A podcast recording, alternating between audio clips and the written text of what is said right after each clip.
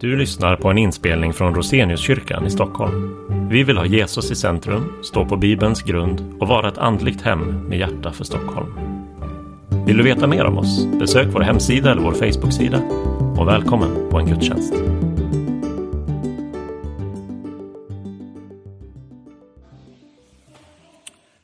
Låt oss upplyfta våra hjärtan till Gud och höra denna söndags heliga evangelium. Så står skrivet i Matteus evangelium. Jesus sade till sina lärjungar Om någon vill följa mig ska han förneka sig själv och ta sitt kors på sig och följa mig. Den som vill bevara sitt liv ska mista det, men den som mister sitt liv för min skull, han ska vinna det. Vad hjälper det en människa om hon vinner hela världen men tar skada till sin själ? Eller vad kan en människa ge utbyte mot sin själ? Människosonen ska komma i sin faders härlighet med sina änglar och då ska han löna var och en efter hans gärningar. Så lyder det heliga evangeliet. Lovad vare du, Kristus.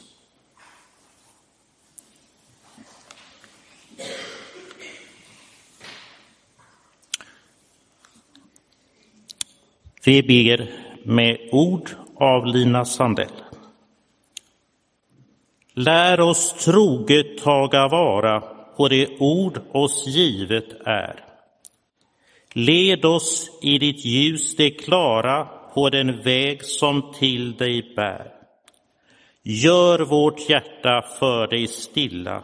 Låt dig otron oss förvilla. Herre, låt oss ej förspilla nådestunden du beskär. Amen.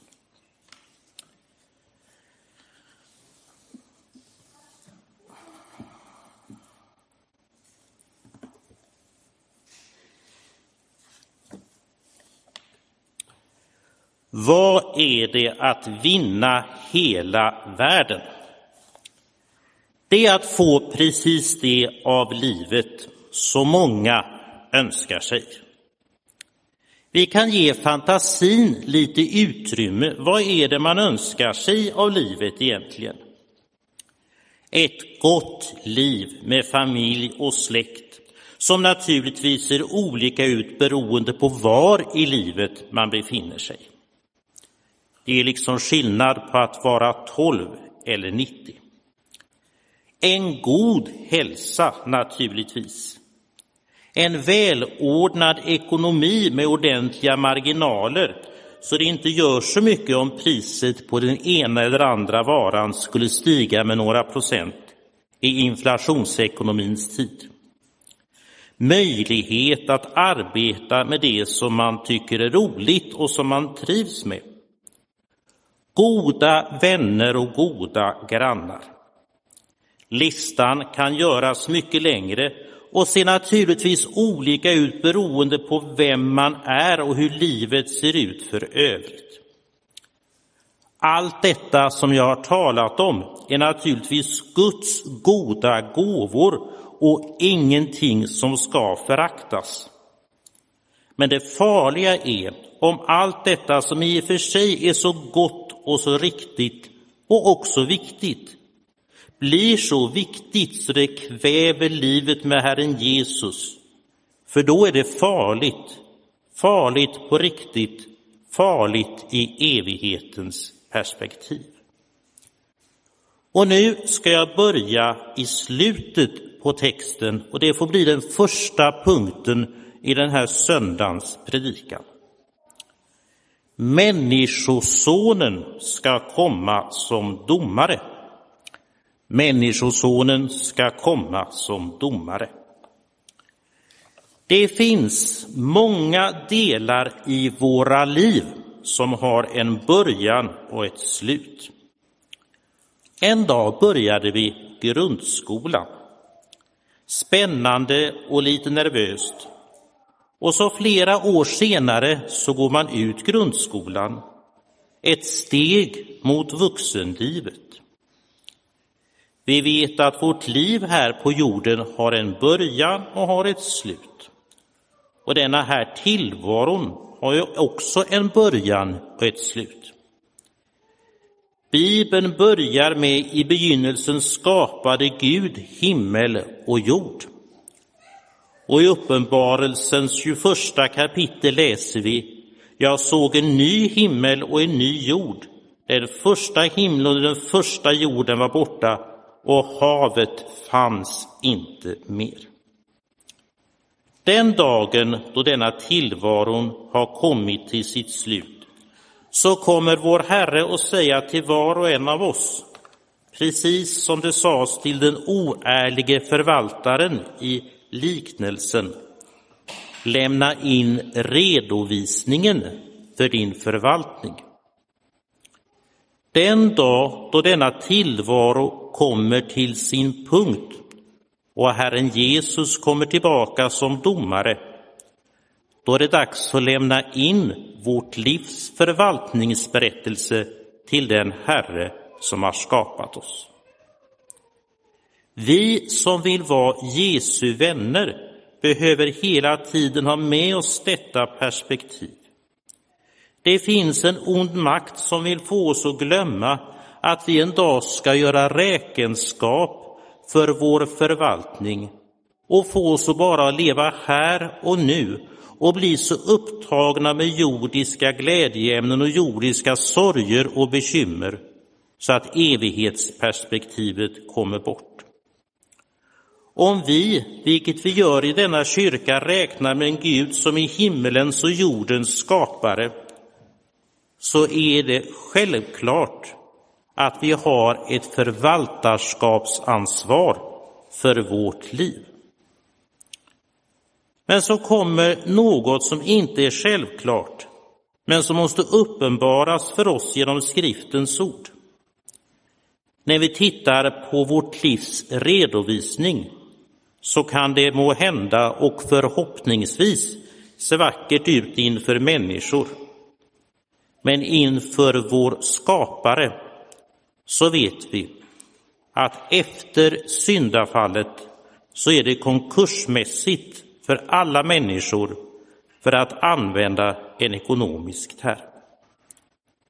Och då naturligtvis inte för vår Herre och Frälsare som levde ett liv som i allt var lydigt mot Faderns vilja och som är uppstånden och sitter på Faderns högra sida. Det som skriften med all tydlighet lär oss det är att konsekvenserna av vårt livs konkursmässighet handlar inte bara om tiden utan också om evigheten. Den heliga Ande vill genom skriftens ord lära oss och påminna oss om att vi en dag ska göra räkenskap för vår förvaltning. Och om det såg rörigt ut i den oärliga förvaltarens räkenskaper så är det värre hos oss. Det finns ett djupt allvar i detta som vi behöver påminnas om. En dag, säger Herren, lämna in redovisningen för din förvaltning. Och utifrån detta ska jag gå vidare till den andra punkten i den här dagens predikan. Och det är Människosonen är också vår frälsare. Människosonen är också vår frälsare. Både genom vad vi gör och vad vi inte gör och genom det syndafördärv som vi alla efter Evas och Adams fall har del av bär vi alla på en skuld inför den levande guden. Om ett aktiebolag har stora skulder så kan det bara, vilket i och för sig är väldigt tråkigt, gå i konkurs. Vår skuld får värre konsekvenser. Vi är värda att förkastas från Guds ansikte om Gud skulle döma oss efter sina rättfärdiga krav. Och det är när vi genom den helige Ande verkligen inser detta, inte som en teoretisk kunskap, utan som en levande sanning, som vi kan förstå att det skriften berättar för oss är att Jesus inte bara är vår domare, vilket han förvisso är, utan också vår frälsare. Och skriften använder olika men samstämmiga uttryck för att uttrycka att Jesus är vår frälsare. Vi kan tänka oss dokumentet där vår skuld står uppskriven och så är skulden överkorsad. Inte med arkivbeständigt bläck utan med Jesu försonande blod som förvisso är mera beständigt inför evigheten än vad det mest arkivbeständiga bläck kan vara. Vi vet att Jesus i allt var lydig den lag som han själv är ursprunget till. Det märkliga och noterbara är att detta räknas oss till godo. Jesu lydnad räknas som vår lydnad. Vi vet att Jesus på korset bar alla människors skuld i ett ofattbart lidande. Jesus har burit skulden och han har burit skuldens fruktansvärda konsekvenser på ett sätt som övergår vår fattningsförmåga. Utan Jesu försoningsverk så hade vi så att säga varit fångade, instängda i konsekvenserna av vår egen synd. Vi hade varit fångade i det obeskrivliga mörker som är syndens fruktansvärda konsekvens. Men genom att Jesus har uppfyllt i lagen i vårt ställe, genom att Jesus i vårt ställe burit syndens konsekvenser i lidandet och döden på korset, finns det en väg till frälsning och evigt liv. Det finns en livets väg ur syndens konsekvenser. Och denna väg finns i Jesus och enbart i Jesus. Och detta ska naturligtvis ge anledning till både glädje och lovsång, men också till rätt prioriteringar i livet. Och då kommer vi in på den tredje punkten. Och det är vad som är riktigt viktigt. Vad som är riktigt viktigt. I olika akutsituationer är det viktigt att göra rätt prioriteringar. Det vet de som jobbar på ambulansen. Det gäller vid trafikolyckor, inom sjukvården och naturligtvis om någon där hemma blir riktigt akut sjuk. Detta gäller också vårt andliga liv. Utan Jesus är vår situation inför evigheten förtvivlad. Med Jesus har vi en god förtröstan inför evigheten grundad på Jesu Kristi förtjänst på hans blodiga offerdöd. Det är av uppenbara skäl viktigare att genom vår tro hålla fast vid Frälsaren och hans förtjänst än att få goda dagar i detta liv. Sök först Guds rike och hans rättfärdighet, säger Frälsaren. Vi lever i en kultur och ett samhälle där det anses som självklart att livet går ut på att man ska ha det så bra som möjligt. Och naturligtvis ska detta ske på ett sätt som är juridiskt och moraliskt acceptabelt. Ingen av oss kan säga att vi är helt opåverkade av detta tänkande. I dagens text säger Jesus till oss att det goda livet här och nu inte är det viktigaste. Det viktigaste är att genom den helige Ande hålla fast vid Frälsaren och det han har gjort. Det viktigaste i livet är att leva trons liv med Jesus. Och när Jesus ska förklara liknelsen om såningsmannen så säger han att både det goda i livet och livets bekymmer kan ta över så att livet med Gud kommer bort. Så talar Jesus i dagens text om att mista sitt liv för Jesus skull. Det kan innebära att vi avstår från sånt som kan vara roligt och givande för att få tid med bön, bibelläsning och till att lyssna på en förkunnelse som är grundad på skriftens ord. Men det kan också vara så att vår Herre för oss in i sådana situationer där vi faktiskt får lida för vår tro.